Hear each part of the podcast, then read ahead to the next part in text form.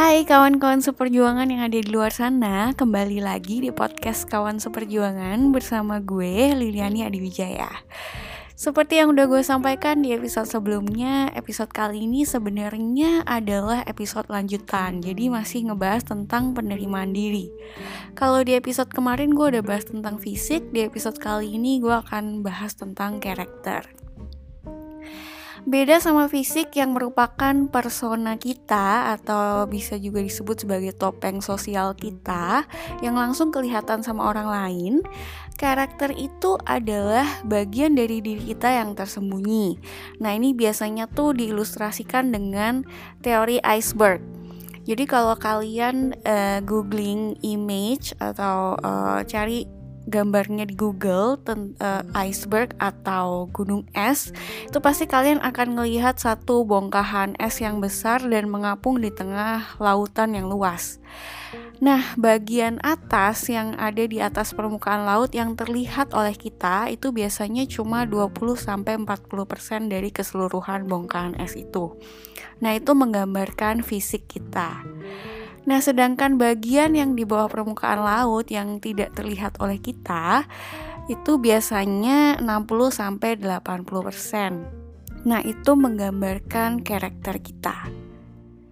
Bedanya lagi sama fisik, kalau fisik itu sudah diberikan sejak kita lahir, kalau karakter itu bukan diberikan sejak kita lahir, tapi terbentuk dari bagaimana kita dibesarkan, dididik, dan gimana kita akhirnya menggunakan kebebasan kita atau free will kita untuk mengukir dan mewarnai karakter kita itu.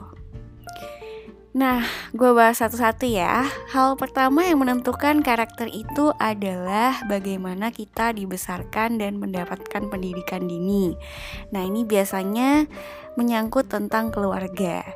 Gue langsung ambil satu contoh uh, biasanya sih kalau di buku-buku psikologi yang gue baca contohnya itu selalu child abuse jadi ya abuse di dalam satu keluarga gitu ya tapi gue nggak mau ambil contoh itu gue pengen ambil contoh yang kita tuh lebih banyak menemui uh, di masyarakat terutama di Indonesia Nah, masih banyak banget masyarakat Indonesia yang berpikiran bahwa posisi pria itu di atas wanita. Bener gak? Nah, ini pemikiran ini tuh menjadikan sosok ayah di sebuah keluarga itu menjadi pusat dari tata surya. Bahayanya adalah ketika sosok ayah ini tuh masih uh, egosentris. Jadi uh, memutuskan sesuatu tapi tidak berdasarkan um, pemungutan suara dari keluarga ya. Jadi ignore semua opini anggota keluarga yang lainnya dan semua keputusan yang diambil terus jadi uh, keluar dari kepala sosok ayah ini tanpa adanya diskusi gitu loh dengan keluarga yang lain dan semuanya mau nggak mau harus mengikuti. Nah ini tuh anaknya akan menjadi ya sebenarnya bisa banyak kemungkinan tapi gue ambil satu contoh aja anaknya bisa jadi jadi seseorang yang karakternya itu terus kurang bisa mengambil keputusan dan nggak tahu maunya apa. Karena uh, semu uh, ke semua keputusan yang diambil dalam keluarga tersebut itu tuh dari kepala sang ayah aja dan semuanya harus ngikutin. Jadi semuanya nggak boleh beropini gitu Nah, terus ketika anak ini harus mengambil sebuah keputusan, kan pada akhirnya harus ya, harus mengambil sebuah keputusan, dia akan cuma mengikuti egonya aja. Nah, kalau dianalogiin, keputusan yang mengikuti ego itu misalnya kita lagi flu, terus kita pengen makan es krim. Tapi sebenarnya kita tahu kalau yang benar itu ya jangan makan es krim dulu, tapi minum obat. Cuma obat pahit terus uh, ya kita memutuskan untuk udahlah makan es krim aja lebih enak gitu. Jadi yang diikutin egonya, bukan dirinya sendiri. Akhirnya keputusan yang diambil si anak ini kebanyakan berujung dengan merugikan dirinya sendiri tanpa dia sadari. Atau kalau anak ini sudah melakukan hubungan interpersonal dan melibatkan banyak orang, ini akan merugikan orang lain juga. Nah, terus hal kedua yang menentukan karakter itu adalah pendidikan. Sebenarnya bisa formal dan non formal, jadi bisa balik lagi ke keluarga. Tapi gue kali ini pengen mengambil contoh dari pendidikan formal, yaitu dari sekolah. Pas sekolah dulu, pernah nggak kalian punya uh, atau ketemu guru yang kalau ulangan tuh mereka punya ekspektasi jawaban kita itu harus sama persis seperti yang uh, tertulis di buku diktat atau di buku cetak sampai setitik komanya. Nah, gue itu pernah ketemu guru yang seperti ini. Dan gue itu kalau belajar sesuatu, gue gak suka menghafal kan orangnya. Gue itu kalau belajar harus mengerti apa yang sedang gue pelajari. Dan bahkan gue tuh pernah di pelajaran matematika zaman SMA dulu, gue inget banget, kita itu disuruh menghafal mati 9 rumus trigonometri kalau nggak salah. Nah, gue nggak percaya dong waktu itu gue harus menghafal semuanya. Akhirnya gue nemu kalau yang perlu dihafal tuh cuma satu aja, sisanya tinggal dibolak-balik.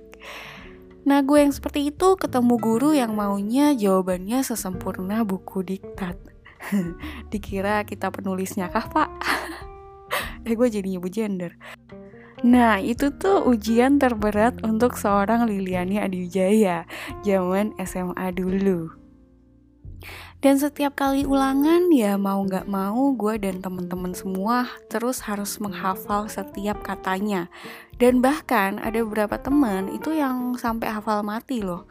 Tapi nggak tahu maksudnya apa. Terus besoknya udah lupa Gila ya.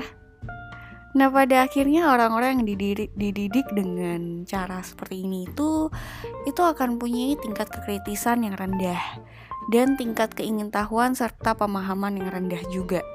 Jadi ketika nyemplung di masyarakat, kalau ada aturan-aturan misalnya, mereka akan ikutin gitu aja tanpa paham aturannya ini dibuat untuk apa dan kenapa seperti itu. Karena mereka mikirnya, oh ya udah asal gue hafal 5 sila Pancasila aja gue akan duduk di kursi DPR. Terus di kursi DPR mereka akan mendukung kebijakan yang menentang sila-sila tersebut. Makanya terus banyak juga yang menyelesaikan pendidikan sampai doktoral, jadi profesor, tapi cara pemikirannya masih sempit karena karakternya seperti itu.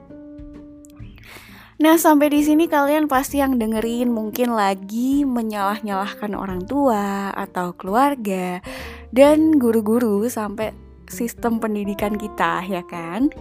Tapi gue itu di sini nggak mau mencari siapa yang salah, karena yang penting bukan mencari-cari sebab dan akibatnya, melainkan menanyakan apa sebenarnya tujuan kita. Mau terus berproses membentuk karakter kita menjadi lebih baikkah atau menerima aja yang sudah terbentuk itu? Nah, kita ini masih punya yang namanya kebebasan atau free will untuk menentukan mau jadi lebih baik atau enggak. Kalau kita sudah tahu misalnya, kita itu punya karakter yang kurang bisa mengambil keputusan, ya coba membuat keputusan-keputusan untuk diri sendiri dulu, dari hal-hal yang kecil dulu. Terus kalau kita misalnya punya karakter yang egosentris atau yang masih suka kasih makan ego kita, ya coba setiap mengambil keputusan itu kita step back dulu, berpikir dulu, memposisikan diri sebagai orang lain. Nah, gue sendiri adalah orang yang karakternya itu menurut gue itu tergesa-gesa, buru-buru gitu, kayak dikejar sesuatu, padahal nggak ada yang ngejar. Nah, terus gue tuh akhir-akhir ini sedang berusaha menjadi manusia lamban. Yang ngerjain hal semua hal itu tuh gue coba satu persatu. Dimulai dari hal-hal yang kecil dulu yang simple-simple aja dulu. Misalnya gue tuh kalau gosok habis gosok gigi gitu gue biasanya kan kumur-kumur tuh pakai cairan pembersih. Nah itu biasanya uh, butuh 30 detik kumur-kumur habis itu dibuang kan Nah, biasanya sambil nunggu 30 detik, gue itu sambil cuci muka atau ngapain lah gitu, kayak nggak bisa diem gitu gue. Nah, akhir-akhir ini gue menghitung 30 detik pakai dua tangan dan 10 jari gue. Gue hitung sampai eh, gue hitung 1 sampai 30. Jadi, kedua tangan gue gak bisa ngerjain hal lain. Dan ini tuh lumayan berimpact ke cara kerja gue loh. Gue itu jadi lebih sabar ngadepin segala sesuatu. Dan gue juga sekarang kalau ngerjain project di kantor tuh jadinya satu persatu gitu loh. Dan akhirnya gue bisa lebih fokus dan meminimalisir kesalahan gue. Jadi kita itu punya tanggung jawab untuk diri kita masing-masing. Kita yang pada akhirnya menentukan karakter kita ini mau dibawa kayak gimana sih? Mau diwarnai seperti apa? Karakter ini tuh adalah 60 sampai 80% loh yang menunjukkan diri kita yang sebenarnya. Jadi sebelum menyalahkan orang lain, lihat dulu lah ke diri kita. Ada yang salah nggak? Kalau ada, tenang. Karena sekali lagi karakter itu terbentuk. Bisa diukir, bisa diwarnain. Bukan dikasih gitu aja dan kita harus menerima gitu aja. Tapi yang harus kita terima dan syukuri adalah yang sudah hadir dalam prosesnya, yaitu ya keluarga, sekolah, orang-orang di sekitar kita, dan semuanya yang udah diberikan. Dan ingat, mereka adalah manusia juga yang bisa melakukan kesalahan. Tapi sekali lagi yang penting adalah tujuannya kan. Tujuan mereka itu cuma ingin membantu kita menjadi orang yang lebih baik. Jadi berterima kasihlah karena mereka semua ada dan hadir atau datang dan pergi untuk menjadikan kita yang berproses sekarang karena kita semua adalah kawan seperjuangan. Oke, gitu aja kayaknya sekian pembahasan tentang self acceptance atau penerimaan diri ini. Uh, makasih buat semuanya yang udah mendengarkan. Gue Liliani Adiwijaya. Sampai jumpa di episode selanjutnya dan selamat berjuang.